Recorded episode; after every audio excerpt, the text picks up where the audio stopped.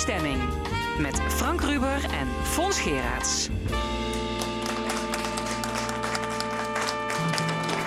Zondag 18 november. Welkom bij De Stemming, het interview- en discussieprogramma van L1. Rechtstreeks vanuit Café Forum in Maastricht. Met vandaag... Een lijsttrekkersdebat over de gemeenteraadsverkiezingen van woensdag in Beekdalen. Waarom is het geloof in Nederland op zijn retour? Straks een gesprek met Peter Nissen, hoogleraar spiritualiteitsstudies. En onze cultuuranalist Cyril Offermans, die ging naar de film Girl. En straks vertelt hij waarom die film hem heeft geraakt. En er is live muziek van YB. Good morning, my baby, baby, baby. Have a nice fucking day. Have a nice fucking day. Good morning, my baby, baby, baby. Have a nice fucking day. Have a nice fucking day.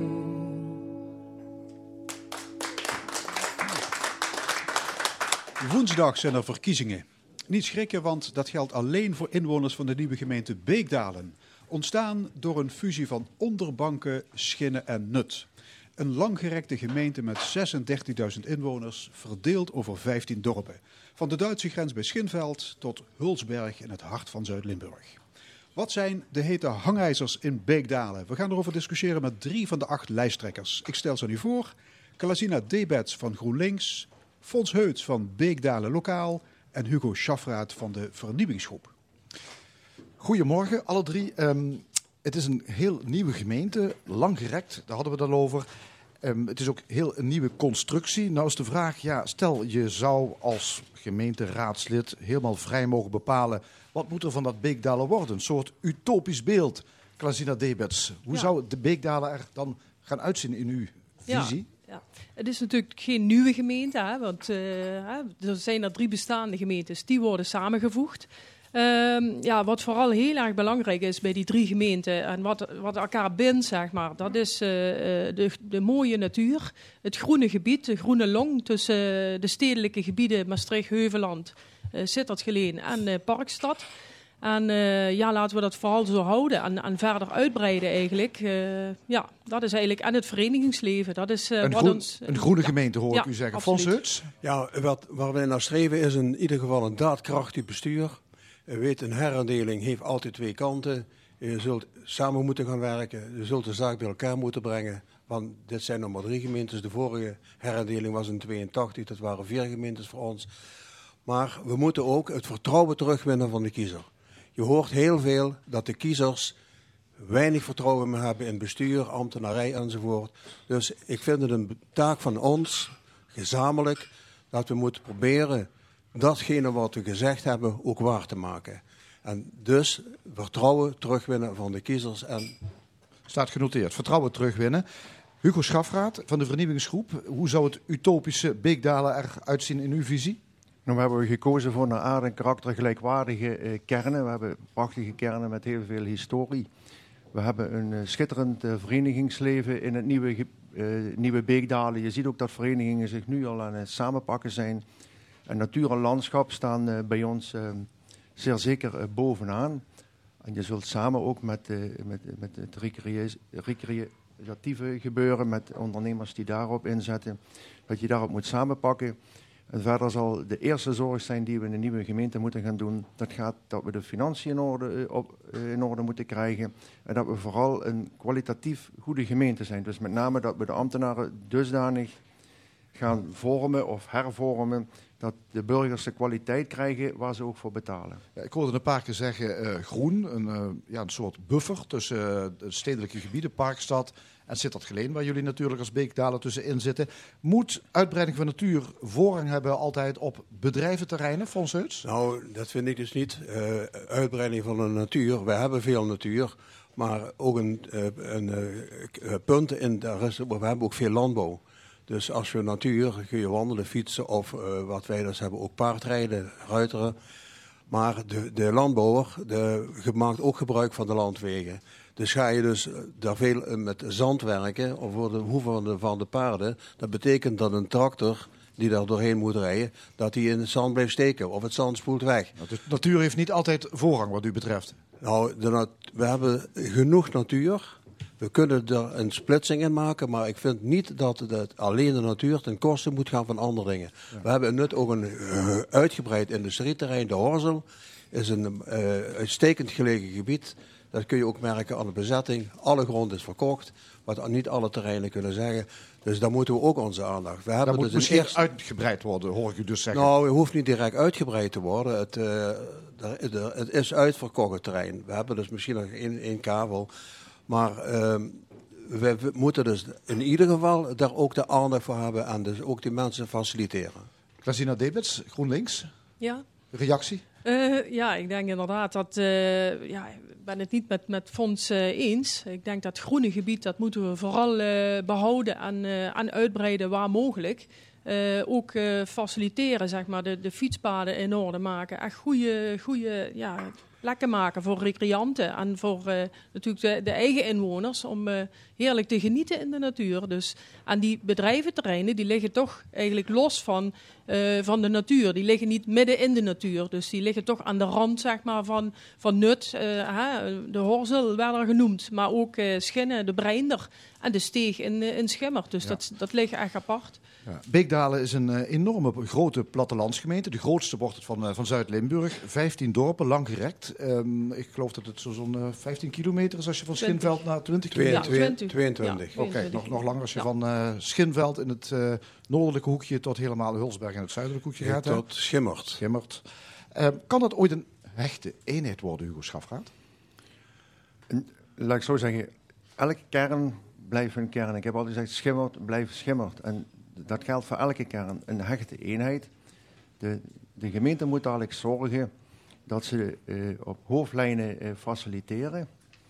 En als kernen zich samenpakken, wat je wel eens ziet, hè, dat, eh, dat bijvoorbeeld Bingelraad en Jabik pakken zich bijvoorbeeld samen.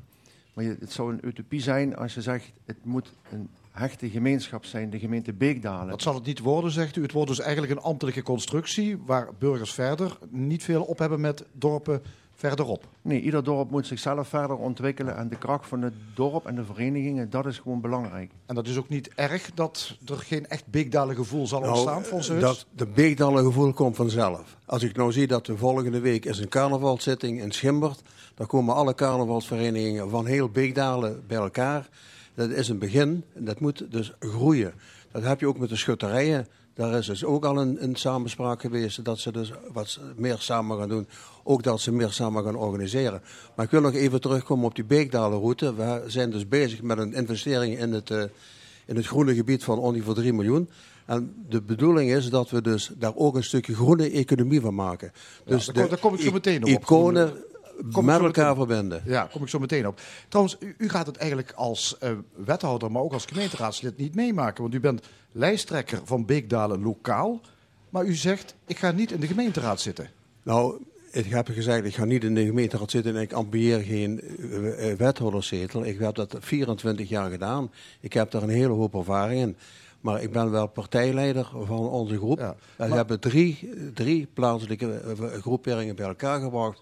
En daar ga ik de leiding aan geven. Toch is dat wel opmerkelijk. Uh, u, bent, u staat bovenaan de lijst. U bent degene waar mensen op gaan stemmen, want dat is toch meestal zomaar de lijsttrekker. U staat ook voor die, voor die partij. Dat is de bedoeling, ja. Ja, Beekdalen Lokaal. U roept mensen op stem, op ons, op mij. En u zegt, maar ik ga niet in de gemeenteraad zitten. Nou, je hoeft niet in de gemeenteraad te gaan zitten om dus eh, goede dingen te doen. Je kunt, die goede dingen moeten voorbereid worden en daar Nee, ik me voor beschikbaar. Ja, dat begrijp ik. Maar waarom gaat u dan op die lijst staan? Ik ga op de lijst staan omdat ik dus eh, die drie groeperingen bij elkaar gebracht heb. Dat ik 24 jaar ervaring heb als, als wethouder. En dat dus een heel goed beeld heb hoe je een herindeling zou moeten doen. Is er geen kiezersbedrog? Nee, dat is helemaal geen kiezersbedrog. Dat is, eh, waarom, Dat zijn wel raadsverkiezingen, hè? dus het gaat Ja, het om zijn een raad- Klasina raadsverkiezing. Debers van GroenLinks? Wat, voor- ja, Ja, ik, eh, ik wil daar wel even op reageren. Het zijn gemeenteraadsverkiezingen, hè, herendelingsverkiezingen. En het gaat om de gemeenteraad. Vanuit daar wordt een college gevormd.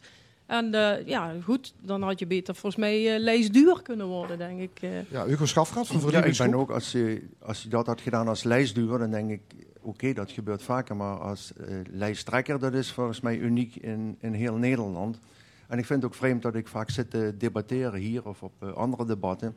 Maar niet met degene die het dadelijk moet gaan doen van eh, de fractie van Nou, meneer Heuts. Dat bestrijd ik ten zeerste wie het digitaal moet gaan doen. Ik ga het dadelijk ook doen. En ik ga het doen als leider van een groepering. Evengoed als je dus een, een leider hebt van het CDA landelijk, heb je een leider van het CDA van de, van van de PvdA. Je hebt overal een, leider. Maar ik heb nog nooit een leider van, van een partij gezien, ook landelijk, die zegt van bijvoorbeeld ik ga niet in de Tweede Kamer zitten. Ja, ik ga, ga ook niet in de Tweede Kamer zitten. Nee, Ik- maar oh, u maakt de vergelijking met landelijk. Dus maak ik. Jawel, dat is, jawel, eh, eh, Peter Oom van het CDA zit niet in de, in de Tweede Kamer, zit niet in de Eerste Kamer. Ik ben dus de eh, partijleider van de Be- Beekdalen Lokale. En ik ga dus het voortouw nemen en we gaan dus ook Ja. de hele... Maar u gaat niet in de gemeenteraad zitten, Hugo Schafraad? Nog Ja, maar sterker nog, eh, ik zou het heel vervelend vinden als ik straks in de gemeenteraad kom en dat er iemand die er niet in zit, die mij dan gaat aansturen. Want dan, ik ben door de burgers gekozen met mijn medefractiegenoten. En het zou dan heel vreemd zijn als dan iemand vanaf, vanaf de zijlijn gaat zeggen wat wij als fractie moeten gaan doen. Dat zullen we als, als fractie zelf moeten Eh, gaan bepalen. Wij hebben dus afgesproken, en dat hebben we ook naar buiten gebracht, dat wij het vertrouwen van de kiezer willen terugwinnen. En op welke manier je dat doet, maakt mij, maakt mij het inziens niet uit. Maar denkt u niet dat dit een heel schimmig spel wordt? Eh, u zegt u wil het vertrouwen van de kiezer terugwinnen. U stelt zich eh, beschikbaar als lijsttrekker, bent lijsttrekker en dan zegt ik ga niet in de gemeenteraad zitten. Welke kiezer begrijpt dit nog? Ja, er zijn er genoeg die dat begrijpen. Dat zullen we ook wel merken als, de, als, de, als, de, als de uitslag komt. Ik, heb, ben, ik ben daar heel duidelijk in geweest van tevoren. Daar, het is natuurlijk...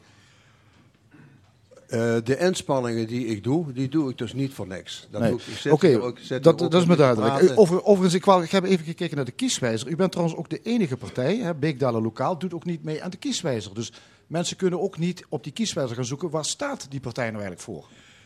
De partij die staat dus voor... eh, wij willen dus... ehm, de, Nee, dat begrijp ik wel. Maar waarom doet u niet mee in de kieswijzer? Want dan kan iemand dat zelf thuis ook ver- vergelijken.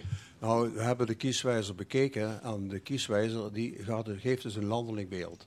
En eh, wij, wij vonden dus dat het dus de zaken die in Beekdalen speelden, dat dat daar niet tot uiting kwam. Oké, En ik wil dan heb- toch een paar Ja. punten uit de kieswijzer met u gaan doornemen. Eh, bijvoorbeeld overlast van vliegverkeer. Eh, dat staat er eh, een paar keer op, omdat jullie en met EWEX-basis in Geilenkirchen en met Vliegveld Beek te maken hebben. Moet je als gemeente, eh, Hugo Schafraad, moet je daar een punt gaan maken tegen, dat vlieg, eh, tegen die vliegoverlast? En kun je dat eigenlijk wel als gemeente? Nou, de gemeentes maken daar al een, een punt tegen. Eh, Als je het hebt over de AWACS, hè, dat daar vliegtuigen met 110 decibel overvliegen, terwijl een gewone machine nog geen 60 decibel mag maken. Het is wel een, een, een hele strijd, maar daar waar je kan aanpakken, moet je doen. En als je pakt nu de uitbreiding van eh, vliegveld Beek, omdat er geen, door de overheid geen belasting wordt gegeven op kerosine en op vliegen, neemt het aantal vluchten toe. Maar de bewoners zullen gewoon gaan merken dat, en, en het is niet alleen de pretvluchten, maar ook eh, de wrakvluchten, dat de overlast tot tien keer gaat eh, ver, eh, vereenvoudigen. En dan zegt iedereen, dan moet je maar zelf ook niet gaan vliegen. Als het dusdanig wordt belast en het wordt duurder, dan wordt het aantal vluchten minder. Dus wij pleiten er niet voor om Maastricht-Aken Airport te sluiten. Nee, het aantal vluchten moet beperkt blijven. Ja, Klaasina Ja. Debets, GroenLinks. Eh, Ja. Maar kun je er als gemeente iets aan doen? Zeker. We moeten, we moeten niet, eh, niet opgeven in die strijd. We liggen straks eh, precies tussen de IWEX-basis in en de Maastricht-Agen Airport. En eh, ja, Hugo gaf het al aan. Maastricht-Agen Airport is eh, behoorlijk uit en breiden.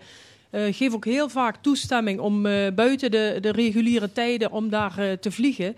Dus om zes uur s morgens worden de mensen al uit, eh, uit bed gerammeld zeg maar, door het eerste vliegtuig. Ehm, de EWAX-basis is hetzelfde. Ja, goed, 110 be- decibel.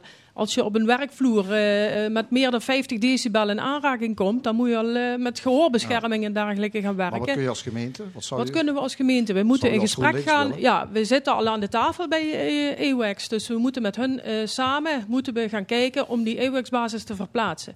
Die moet, die moet weg daar. Ja. Dus, ja. Fons Heuts? Ja, iedere zaak heeft twee kanten. Eh, dat is bij EWEX zo. We, we- we moeten zorgen voor de veiligheid van Europa. Ja, maar wat En zou u als Beekdalen lokaal willen met die wat ik EWEX-basis? zou willen bepleiten, pak geluidsarme motoren. Als je geluidsarme motoren hebt, dan is de overlast ook verdwenen. ja, dan zit je nog altijd met de fijnstof, hè? De Ja. uitstoot. Ja, goed, je zit met... eh, met En daar zijn we ook al hetzelfde 30 dus- jaar mee bezig, met geluidsarme Ja. motoren. Er zijn dus een, eh, Dus ik denk dat een gemeente daar heel weinig aan kan doen. Dat zal Europees geregeld moeten worden. Uh, als, dus als, dat is uw standpunt, daarom Ja. doet u ook niet meer in de kieswijzer. Dit gaat de gemeente te boven eigenlijk, zegt u. dat gaat de gemeente te boven, ja. Nee, Iets anders er zijn 14.000 mensen in eh, Beekdalen, die hebben daar dagelijks last van. Die ondervinden daar hinder van. Er zijn kinderen op scholen die, niet meer, die zich niet meer goed kon, eh, concentreren vanwege het geluidsoverlast. De fijnstof, het is aangetoond, de GGD heeft onderzoek daarna gedaan. Eh, en er zijn gewoon heel veel eh, mensen in eh, Beekdalen die hebben COPD, die hebben astma. Dat komt door die fijnstof. Dus het is wel degelijk een thema wat in Beekdalen heel erg leeft. Ja. Eh, een ander punt waar u ongetwijfeld mee te maken gaat krijgen is de energietransitie. Hè, ook als gemeente, eh, windmolens misschien wel, of z- grote velden met zonnepanelen, Fons Heuts. Is dat, Ja, is dat in- die, die, iets die de zonnepanelen dat is natuurlijk een zaak. eh, we- de, de, de crede is eh, dat de, de gaskraan dicht moet. Nou, dat zie ik niet gebeuren de eerste 30 jaar. Eh, wat dus de zonne-energie betreft, is natuurlijk ook een risico. Er zijn hele projecten opgesteld voor de terugwinning.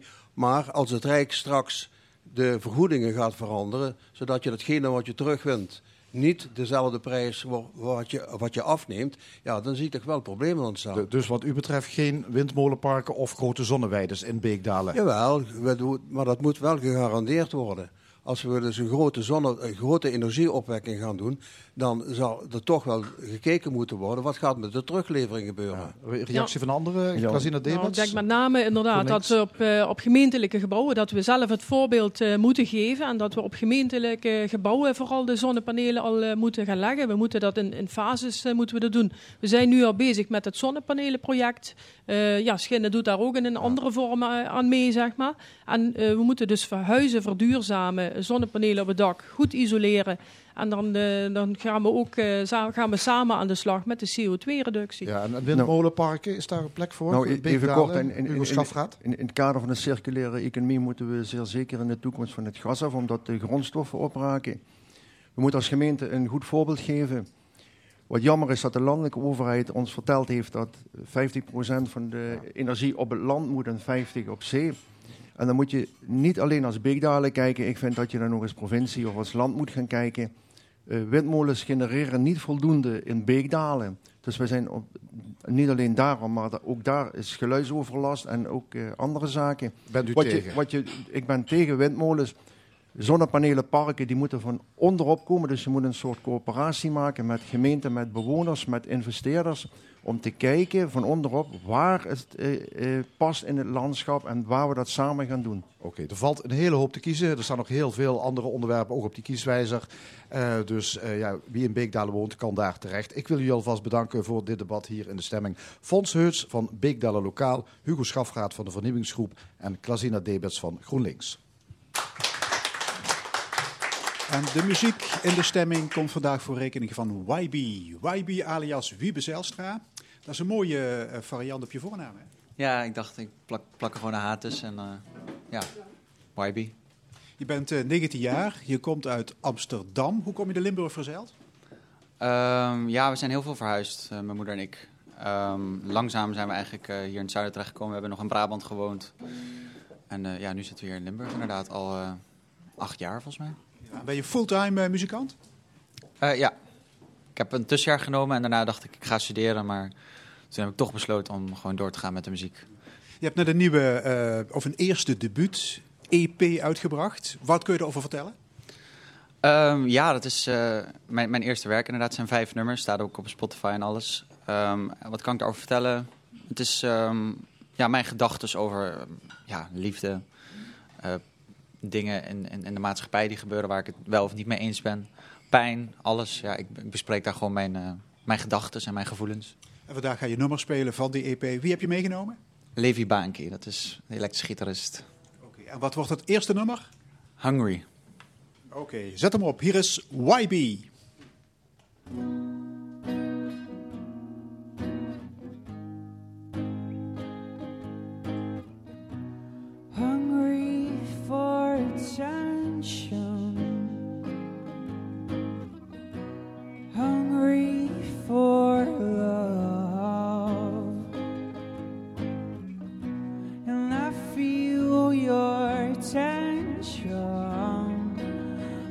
and it's breaking me.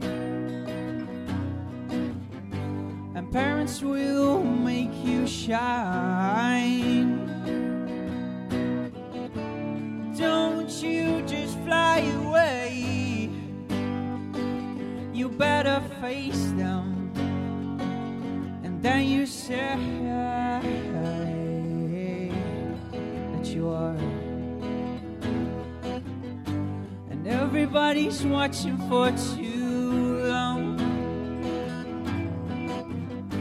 And brains are filled with boredom. I'm looking right at your gravestone. And you are so mad because you are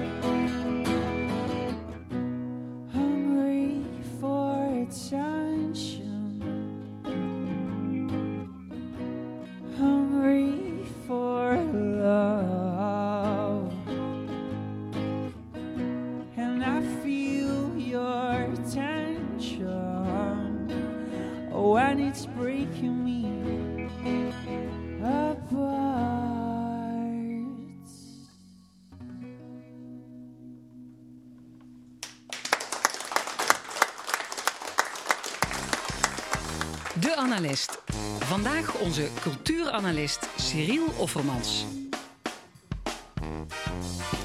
Cyril, welkom. Hallo. Je wil het vandaag hebben over een film. Ja. Gemaakt door een eh, Belgische regisseur, een jonge Belgische filmmaker.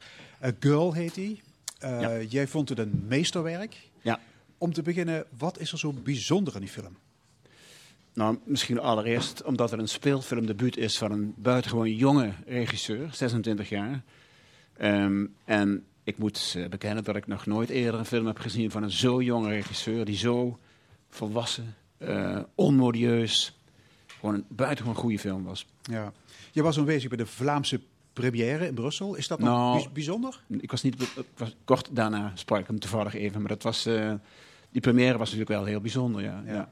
Maar ik- Je, je zei net, het is een onmodieuze film. Ja. Maar de film gaat over een transgender. Hè, dat is iemand die zich niet thuis voelt in zijn geslachtsrol, om het zo maar eens te zeggen. Mhm. Dat is toch een heel modieus thema. Dat is zeker een modieus thema. Het wordt veel besproken tegenwoordig. Ehm, maar bijna altijd is het zo dat als jonge mensen, ehm, trouwens ook anderen, maar vooral jonge mensen, een dergelijke film of een dergelijk eh, boek of een dergelijk thema schrijven, dan heeft het vaak narcistische trekken. Mensen willen een statement maken. Eh, het zijn bijna altijd ego-documenten waarin ze vooral zichzelf aanprijzen. Dat is in deze film allemaal niet het geval. Dat is een buitengewoon onmodieuze film in die zin dat het een hele serieuze speelfilm is. Zonder ehm, pogingen om sterallures eh, te tonen of wat dan ook. Ehm, en ja, dat eh, zie je niet elke dag. Is een, is de, de man over wie de film gaat, jonge man moet ik natuurlijk zeggen, maar dat is een. Ja, ehm, misschien moet je eens uitleggen waar de film eh, Girl over, eh, over gaat. Ja. De inhoud. Ehm, het gaat over een jonge man, 16 jaar, puber dus eigenlijk nog, die zich in een drievoudig, zou je kunnen zeggen, transformatieproces bevindt. Om te beginnen natuurlijk het bekende, of in dit geval ook niet zo verschrikkelijk bekende, eh, proces van de overgang van een jongen van 14, 15 jaar naar volwassene. Dus iemand die midden in de puberteit zit. Dat is een proces dat iedereen moet meemaken.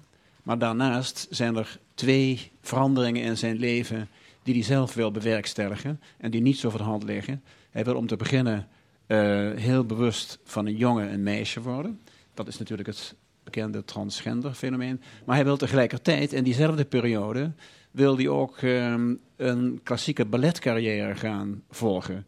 En dat is natuurlijk iets wat ehm, zeker voor een eh, jongen die bezig is met meisje te worden, een buitengewoon zware opgave.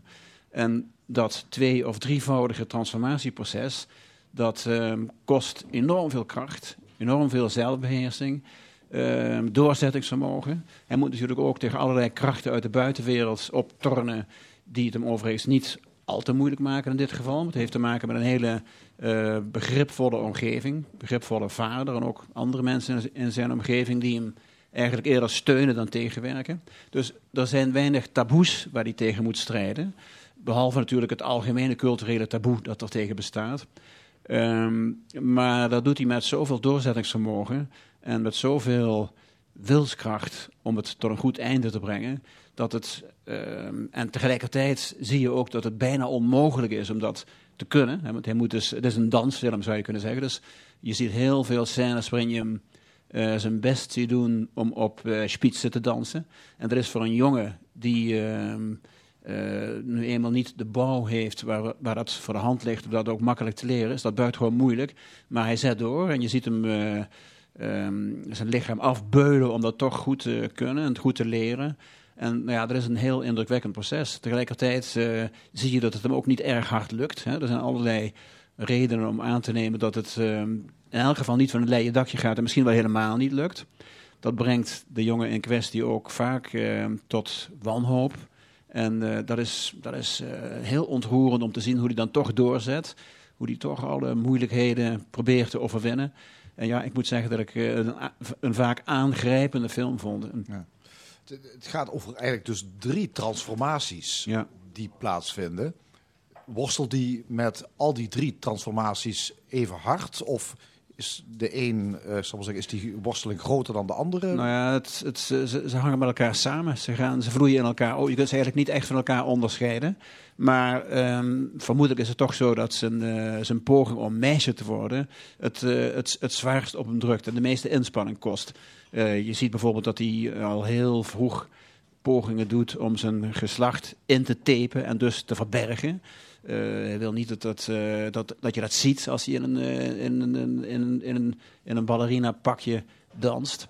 Hij, hij, staat natuurlijk ook heel veel tussen de meisjes. Um, het is een hele mooie jongen. Dus qua uiterlijk, althans wat zijn hoofd betreft, zou je hem zo een, al een meisje noemen. Maar qua figuur niet. Hij is te lang eigenlijk, zou je kunnen zeggen. Ook misschien te gespierd. Hij heeft natuurlijk een jongenslichaam.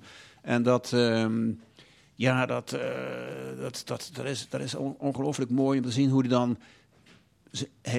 Het, gaat ook, het hele proces gaat ook gepaard met schaamte en met verlegenheid, maar tegelijkertijd met doorzettingsvermogen. Iemand die zich niet klein laat krijgen, maar die tegelijkertijd natuurlijk toch bedeesd is voor zijn omgeving. En je ziet die, die, die, die schaamte die hij moet overwinnen en die verlegenheid die hij moet overwinnen, die zie je eigenlijk voortdurend van zijn gezicht. Vooral als er ook tegenwerking uit de omgeving komt, oh, niet echt tegen, maar toch wel een beetje. Hij, hij, staat op een gegeven moment tussen de meisjes in een kleedkamer en die willen, zijn, die willen hem bloot zien. Die weten inmiddels wel al een tijd dat het om een jongen gaat. Maar dat heeft hij dus ook eigenlijk nooit expliciet gezegd. Maar dat, is, dat blijkt natuurlijk wel een beetje. Die meiden weten dat natuurlijk allemaal. Ze accepteren hem wel, krijg je de indruk. Dat wordt allemaal niet uitgelegd overigens. Je moet het allemaal zien. er wordt in die film eigenlijk niks uitgelegd. Je wordt als kijker gedwongen om heel goed naar, op details te letten. En dan te zien hoe de zaken zich ontwikkelen. Dat vind ik ook een van de kwaliteiten van die film trouwens. Maar op een gegeven moment staat hij dus in, een, uh, in de kleedkamer, omgeven door meisjes van 15, 16, met wie hij danst. En die willen hem bloot zien. Die willen nou eindelijk wel eens zien, want zij, hebben zich per slotverrekening ook uitgekleed in de, in, in, de douchecabines en dergelijke. En uh, daar hebben ze geen enkel probleem van gemaakt. En nou willen ze dat hij dat ook doet. En dat gaat natuurlijk met heel veel uh, ja, innerlijke tegenwerking gepaard van die jongen. Hij doet het uiteindelijk toch. Het wordt allemaal heel discreet gefilmd overigens. Ik las trouwens in de krant dat de film is aangekocht door Netflix. En dat die blootscènes voor de Amerikaanse markt eruit worden geknipt. Ja, dat vind is dat een uh, amputatie voor de film? Ja, vind ik zeker. De film is buitengewoon discreet gefilmd. Er is nergens, uh, wordt nergens op, op ongezonde sensatiezucht gespeculeerd of wat dan ook. Dus het is eigenlijk weer een bewijs van de enorme puriteinse en, en, en, en hypocriete Amerikaanse samenleving. Dat ze vinden dat dit eruit geknipt moet worden. De film is een, is een, is een ja, zoals ik al zei, een, een buitengewoon volwassen film. Die nergens ook porno-achtige trekken of iets dergelijks heeft. En dus als je die, als je die scènes eruit knipt, en met name ook een van de belangrijkste dramatische scènes op het eind van de film, waarin die jongen in, ja, in, in angst dat het proces, het transformatieproces te langzaam gaat, zichzelf een verschrikkelijke verwonding toebrengt. Dat gebeurt helemaal op het einde. Er is een, er is een, een, een, een, een, een scène waarin je ja, sidderend van, uh, van medeleven en van ontroering op je stoel zit. Um, als je dat eruit zou knippen, dan haal je misschien wel de meest indrukwekkende scènes uit de film. Moet je dus absoluut niet doen. Ja, heeft de film ook iets van een documentaire karakter? Als ik jou zo hoor vertellen, zou dat best kunnen? Ja, het zou kunnen, maar het is duidelijk niet zo. Eh, dit is, een- het is echt een speelfilm. Met een hele mooie opbouw. En met duidelijke hoofdrolspelers. En met een, zoals ik al zei, een eh, apotheose aan het eind waar je koud van wordt. Ehm, dat is in een documentaire zelden of nooit het geval. Het is echt een speelfilm. Maar natuurlijk zit er, zit er een soort documentaire kant aan. In die zin dat je eh, als kijker ingewijd wordt in een wereld die je niet kent. En waar je ja, ehm, ook achter de schermen mag kijken. Waar je dus heel veel ook van kunt opsteken. Over hoe zwaar bijvoorbeeld zo'n balletcarrière is. Hoe hard die kinderen moeten werken om überhaupt ooit al die ingewikkelde eh, posities te kunnen innemen. Ja, er, er is trouwens kritiek uit de LGBT-gemeenschap, ehm, waarin de hond wordt verweten dat hij ehm, een niet-transgender voor die rol heeft gekozen.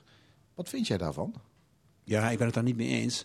Ehm, eh, kijk, het is natuurlijk een enorm karwei geweest om een geschikte hoofdrolspeler te vinden. Daar heeft hij ook heel lang over gedaan. Heeft hij, ehm, ik weet niet precies hoe lang, maar hij heeft uiteindelijk een, een, fantastische jongen gevonden die dat enorm goed kon. Iemand die natuurlijk wel al balletervaring had, een danser. Ehm, maar die zelf geen transgender is. Maar hij, moet natuurlijk vooral, hij moest natuurlijk vooral iemand hebben die kan acteren. En dat kon deze jongen als de beste. Dus werkelijk een fenomenale acteur waar, je, waar ik diep van onder de indruk ben. Een jongen van geen 16 die dat werkelijk op een fantastische manier doet. En ja, ook vaak zeer ontroerend, heel natuurlijk. Ehm, geen enkele, geen, niks van ijdelheid of trucjes of, of, of pogingen om in de smaak te vallen met... eh, nou, geen Gewoon- gewoon, sterrenallures. gewoon een goede acteur. Een Dus. enorm goede acteur. En, maar toevallig dus. Hè? En, en om zo iemand te vinden... Kijk, je moet natuurlijk om te beginnen een goede acteur hebben. Het is een, het is een speelfilm. Nee, tuurlijk, ja. ja. De, de film draait trouwens in de filmhuizen op dit moment. Alle filmhuizen ja, kunt hem overal zien. Tot slot, eh, wat is jouw cultuurtip eh, van Ja, deze keer, ehm, Cyril? Nog een film eh, voor de liefhebbers van klassieke muziek. Maria Callas, een documentaire over Maria Callas. Ehm, die in, dat is wel een documentaire. Eh, die ook in bijna alle filmhuizen te zien is op dit moment. Geen volmaakte film, omdat het toch eigenlijk een patchwork is van alle mogelijke eh, bij elkaar gehaalde eh, fragmenten uit, uit allerlei archieven, ook persoonlijk archief. Maar, maar op, voor, mensen die Callas nog eens een keertje op haar allerbest willen zien zingen, horen zingen vooral ook, is het een absolute must-see zoals het tegenwoordig heet. Erheen zou ik zeggen, want het is een fenomenale stem en ook een fantastische vrouw. Mooi, kwetsbaar. Er zitten hele mooie interviewfragmenten in, met David Frost onder andere. Ga er maar heen. Dankjewel. Cyril Offermans. U luistert naar L1, meer speciaal naar De Stemming. Vandaag tot 12 uur en we komen vanuit Café Forum in Maastricht. Zometeen hoogleraar spiritualiteitsstudies Peter Nissen over het feit dat voor het eerst mensen die geloven een minderheid vormen. Maar eerst YB met Good Morning. Good morning, my baby, baby, baby. Have a nice fucking day. Have a nice fucking day. Good morning, my baby, baby, baby. Have a nice fucking day. Have a nice fucking day. Gone too soon. There's a man by the river and he's looking at the moon. Rocks on your toes. No lady, and all I see is hoes. Don't take me home, don't follow this river, and don't call my phone. Don't call my phone. Good morning, my baby, baby, baby. Have a nice fucking day. Have a nice fucking day. Good morning, my baby, baby. Have a nice fucking day. Have a nice fucking day. Now stand up on your feet. We can put on some music and dance on the beat. Take the stairs down to the kitchen and make me some breakfast. I hope you can. Let me be your man. Let me be your man. Come on, baby. I hope you slept well. Good morning, my baby, baby, baby. Have a nice fucking day. Have a nice fucking day. Good morning, my baby, baby, baby. Have a nice fucking day. Have a nice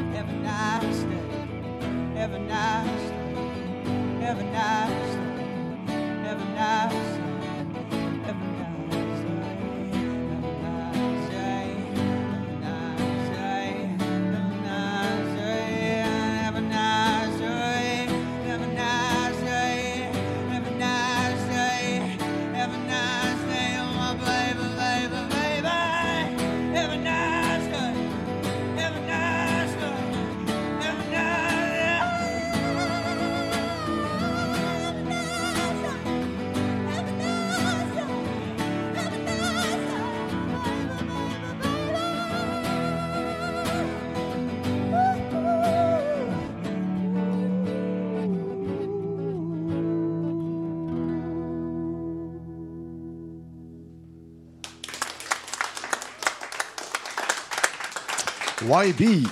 Voor het eerst zijn gelovigen in Nederland in de minderheid. Dat blijkt uit een recent onderzoek van het CBS. Het aantal mensen dat zich ongelovig noemt is gestegen naar net boven de 50% Die ontkerkelijking is niet iets van vandaag of gisteren, maar het is een trend die al jaren aan de gang is. Een goed moment voor een portie levensbeschouwing in de stemming. Aan tafel Peter Nissen, hoogleraar spiritualiteitsstudies aan de Radboud Universiteit Nijmegen. Meneer Nissen, welkom. Morgen.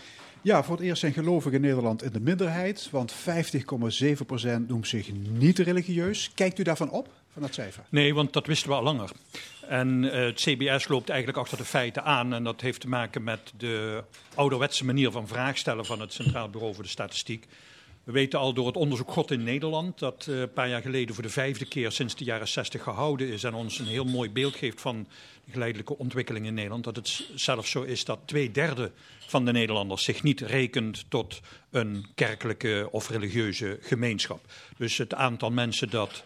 Uh, want dat is eigenlijk wat het Centraal Bureau voor de Statistiek laat zien. Uh, niet of mensen gelovig zijn of niet, maar of ze in georganiseerd verband gelovig zijn. En uh, dat is nog maar een derde van de Nederlandse bevolking. En dat wisten we al een aantal ja, jaren. Dus de, maar de trend is duidelijk. Ja, ja zeker. Ja, nu hoorde ik een theoloog zeggen, zo erg is dat niet. Een kleine kerk kan een veel zinnigere kerk zijn. Of is dat een reactie van een slechte verliezer? Nee, nee, dus daar is vanuit het perspectief van religieuze gemeenschappen inderdaad iets voor te zeggen. Ze zijn ook allemaal ooit klein begonnen. Um, in zeker opzicht is de ontwikkeling die zich nu voordoet en die al langer bezig is, ook een soort terugkeer, zou je kunnen zeggen, naar normale verhoudingen. Na, uh, we hebben eigenlijk tussen 1850 en 1950 een hoogconjunctuur gehad van, van religiositeit in de, in de westerse wereld, van, in georganiseerd verband. Hè. In katholieke kringen het rijke Roomse leven.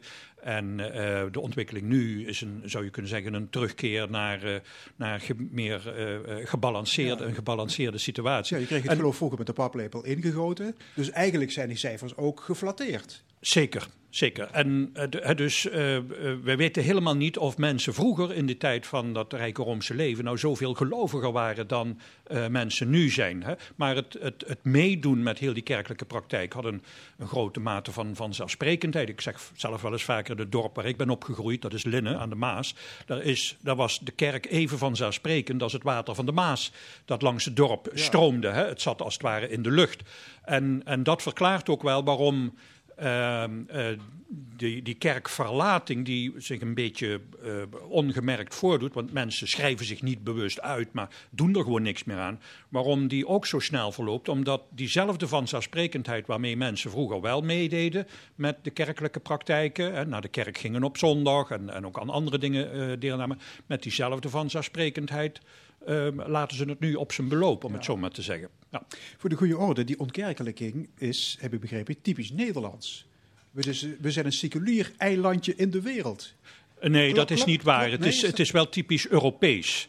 Uh, dus uh, wij denken vaak Nederland gidsland, dus wij zullen ook wel het land zijn met de sterkste mate van ontkerkelijking. Maar er zijn andere landen in Europa waar dat nog sterker is. Tsjechië bijvoorbeeld, in Scandinavische landen, ook uh, in, in een aantal andere landen in Europa die, die eigenlijk is over het algemeen het, het, het patroon landen waar het ooit heel vanzelfsprekend was, daar verdwijnt het ook met diezelfde vanzelfsprekendheid. Dus Europa is wereldwijd uh, wel de uitzondering. Er is een mooi boek van een Britse godsdienstsocioloog dat heet Europe the Exception. Uh, want in andere delen van de wereld uh, is die, dat verdwijnen van georganiseerde religiositeit helemaal niet, niet uh, doet zich helemaal niet voor. In de Verenigde Staten wel een beetje, maar niet in hetzelfde tempo als, als Europa.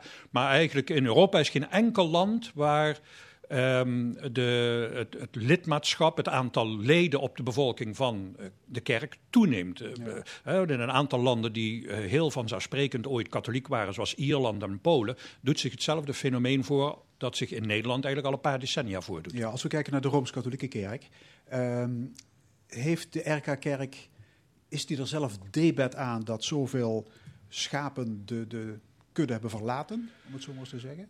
Ja, nou, dat is natuurlijk een beetje een, een, een, een, een simpele vraag voor een heel complex fenomeen. Hè? Uh, die, die, die, schuldvragen. Ja, je kunt wel zeggen dat um, het, het, grote uh, succes, namelijk uh, de, de, zeg maar die enigszins dwingende structuur van de kerk, ook de verklaring is van eh, de snelle afkalving nu. Hè. Dus Ja, eh, voor heel Maar veel ik denk mensen. ook aan het seksueel misbruiksschandaal bijvoorbeeld. Hè? En Ja, de orthodoxe opvattingen van Rome over euthanasie, abortus, dat soort zaken. ja, dus Speelt de- dat een rol? Ja, dus het, het hele complex, zal ik maar zeggen, van, van een kerk die vroeger, eh, ook in Limburg, tamelijk dwingend haar eh, eh, leer kon opleggen aan mensen en, en van mensen kon verwachten dat ze zich daarnaar eh, schikten. Eh, dat is het feit dat, dat, al, dat mensen op een gegeven moment ontdekten dat dat allemaal niet per se hoeft. En dat, eh, dat, dat heeft denk ik een, een, een grote rol gespeeld in de, in de snelle kerkverlating. Dat mensen toch een gevoel van bevrijding hadden. Ehm, de, de, de dwingende vanzelfsprekendheid die is weggevallen. Of nou het seksueel misbruik in Nederland zo'n grote rol heeft gespeeld. Weet ik niet. Eh, in, het proces was in Nederland al veel langer eh, eh, gaande van, van vooral bij katholieken vooral stilzwijgende kerkverlating. Kijk, protestanten die schrijven zich dan ook nog uit. De katholieken doen dat niet, want dat is ook, al, ook nog te veel werk. Ze weten soms niet eens meer dat ze in de kaartenbak zitten. Hè, want officieel op papier is 70% van de bevolking van Limburg nog Rooms-Katholiek. Maar van die 70% eh, b- eh, b- zit maar 1 op de 20 eh, op zondag nog in een kerk. Ehm, in, in andere landen is het wel duidelijk dat dat seksueel misbruik een, een katalyserende rol heeft gespeeld. Ierland is het meest duidelijke voorbeeld. Ierland ooit een heel uitgesproken katholiek land.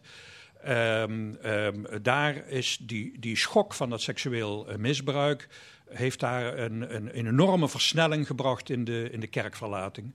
En, en sociologen verwachten dat in Polen, het blijft tot nu toe nog redelijk stil over misbruik in Polen, maar dat komt ook een keer naar buiten.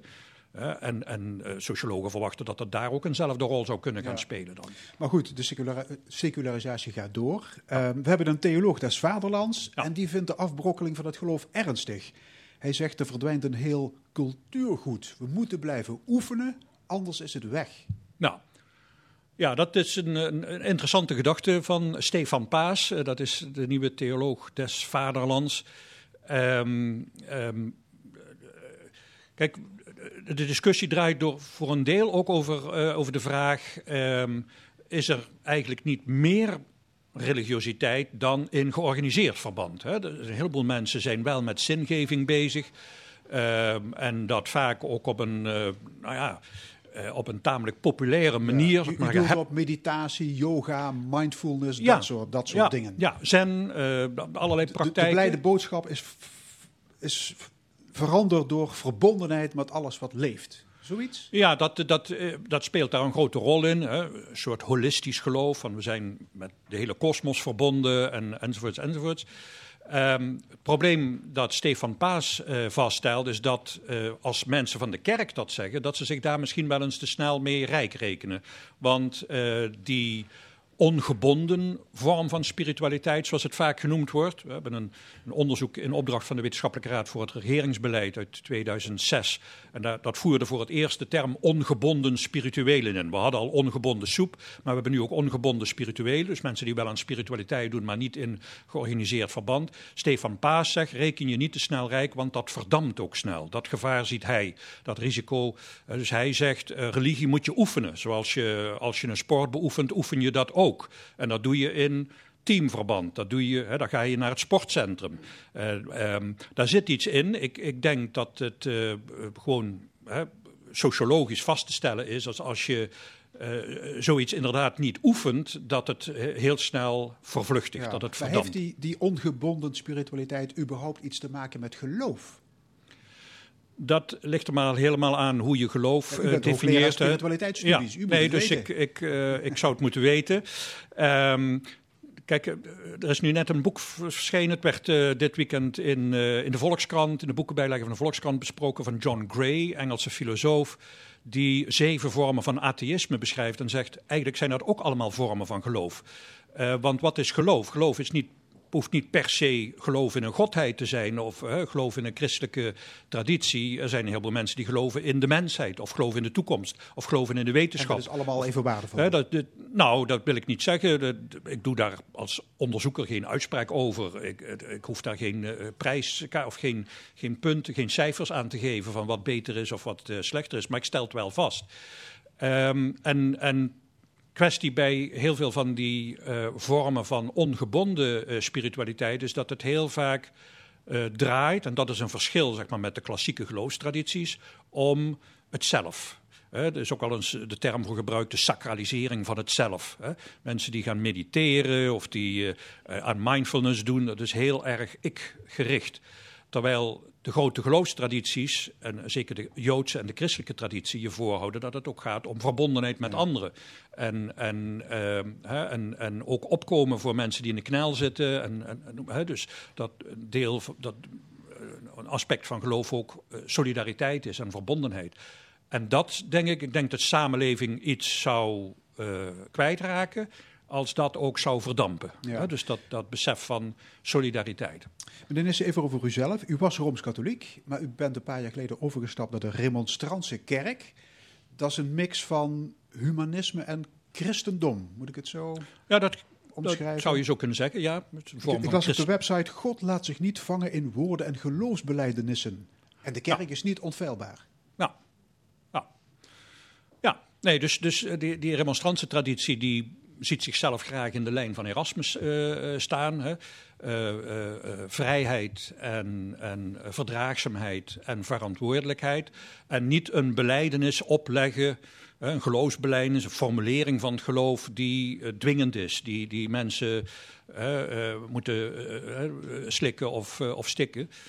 Um, en um, ja, ik heb, ik heb hier ruimte opgezocht, zal ik maar zeggen omdat ik uh, uh, vond dat in de Rooms-Katholieke Kerk uh, ja, de, de sfeer verstikkend was. En, en vooral, dat is eigenlijk mijn grootste bezwaar. ik, ik vind eigenlijk dat de Rooms-Katholieke Kerk door vrouwen stelselmatig uit te sluiten van het gewijde ambt, de helft van de mensheid uit te sluiten, een, een mensenrecht schendt. En daar wil ik niet mee verantwoordelijk zijn door, door daar lid van te zijn. uitspraak. Schending van mensenrechten. Ja, dat vind ik. Ja, ja, ja het uitsluiten, het stelselmatig uitsluiten van vrouwen uit het, uit het ambt. Ja, dat, dat, uh, dat vind ik, dat kan niet. Ja, zou niks voor u zijn, theoloog des vaderlands? Um, nee hoor, nee, nee, want dan uh, uh, moet je voortdurend over alles een mening hebben. En ik heb nu wel over een aantal dingen een mening, maar uh, dan moet je ook over allerlei dingen een mening hebben waarvan ik nou niet direct zou weten wat ik daarvan moet vinden. Over een paar weken wordt Harry Smeets gewijd tot bisschop. Um, ja, er is werk in de winkel voor hem, hè, geloof ik. Ja, hij staat voor een enorme uitdaging, omdat, uh, zoals ik eerder al zei, die, die, zeg maar, die verdamping van uh, de kerk, van die klassieke vorm van geloven, die doet zich even goed in Limburg uh, voor. het aantal mensen dat in Limburg nog op zondag in de kerk zit, dat is ja. nog maar de helft van, minder dan de helft van wat het 15 en, jaar geleden was. Hoe, hoe zou hij het tijd moeten keren? Liturgische vernieuwing of, of nieuwe uh, kerkgemeenschappen oprichten op de een of andere manier? Wat nou, in ieder geval zal, denk ik, uh, van hem creativiteit gevraagd moeten worden. Meer dan zijn voorganger had, die naar mijn gevoel toch eigenlijk vooral op de winkel uh, gepast heeft na de roerige periode van Bisschop Gijzen. Um, ik denk wat, uh, wat heel belangrijk is, is dat. Uh, uh, kijk, de kerk heeft in Limburg natuurlijk heel lang een, een dominante positie gehad. gehad hè. En dat, die is ze kwijt en uh, dat moet ze zich ook realiseren. Dat betekent dat ze in plaats van mensen de les te lezen, op te beginnen vooral moet gaan, goed moet gaan leren luisteren. En uh, daar zie ik Harry Smeets wel toe in staat. Uh, voor zover ik hem ken, ik denk dat hij dat, dat ook wil. Dat hij zich vooral luisterend wil opstellen en wil horen wat leeft er nou bij mensen. En waar kan die traditie van 2000 jaar christendom mensen van dienst zijn. Niet de wet voorschrijven, maar ze uh, maar ze van dienst zijn. En ik denk dat, dat het ook heel belangrijk is, is dat hij uh, ook kijkt waar die traditie iets kan zeggen over vragen waar mensen nu mee zitten. De kerk heeft heel vaak op de vragen die mensen hebben geen antwoord, maar wel antwoord op vragen die mensen niet hebben. En um, waar hij voor moet oppassen, dus hij, hij is uh, heel actief in de wereld van de bedevaarten en een grote vriend van de schutterijen enzovoorts. Waar hij voor moet oppassen is dat uh, de katholieke kerk um, zich daar heel sterk mee gaat vereenzelvigen. En daarmee uiteindelijk ervoor kiest een stukje erfgoed te worden. En dan kunnen we namelijk, uh, dan kan die zijn kerk over tien jaar uh, naar het Limburgs Museum brengen, zal ik maar zeggen. Uh, want dan kan ze opgeborgen worden als een stukje, van, stukje erfgoed van de Limburgse traditie. Waarmee ik natuurlijk niks onvriendelijks over schutters en bedevaartgangers wil zeggen. Oké, hartelijk dank Peter Nissen, hoogleraar spiritualiteitsstudies aan de Radboud Universiteit Nijmegen. En tot zover de stemming van vandaag. Er is geen tweede uur, want we moeten plaatsmaken voor eredivisievoetbal. Ja, MVV tegen Roda JC. Graag tot volgende week. Dan wederom hier vanuit Café Forum in Maastricht. Nog een mooie zondag.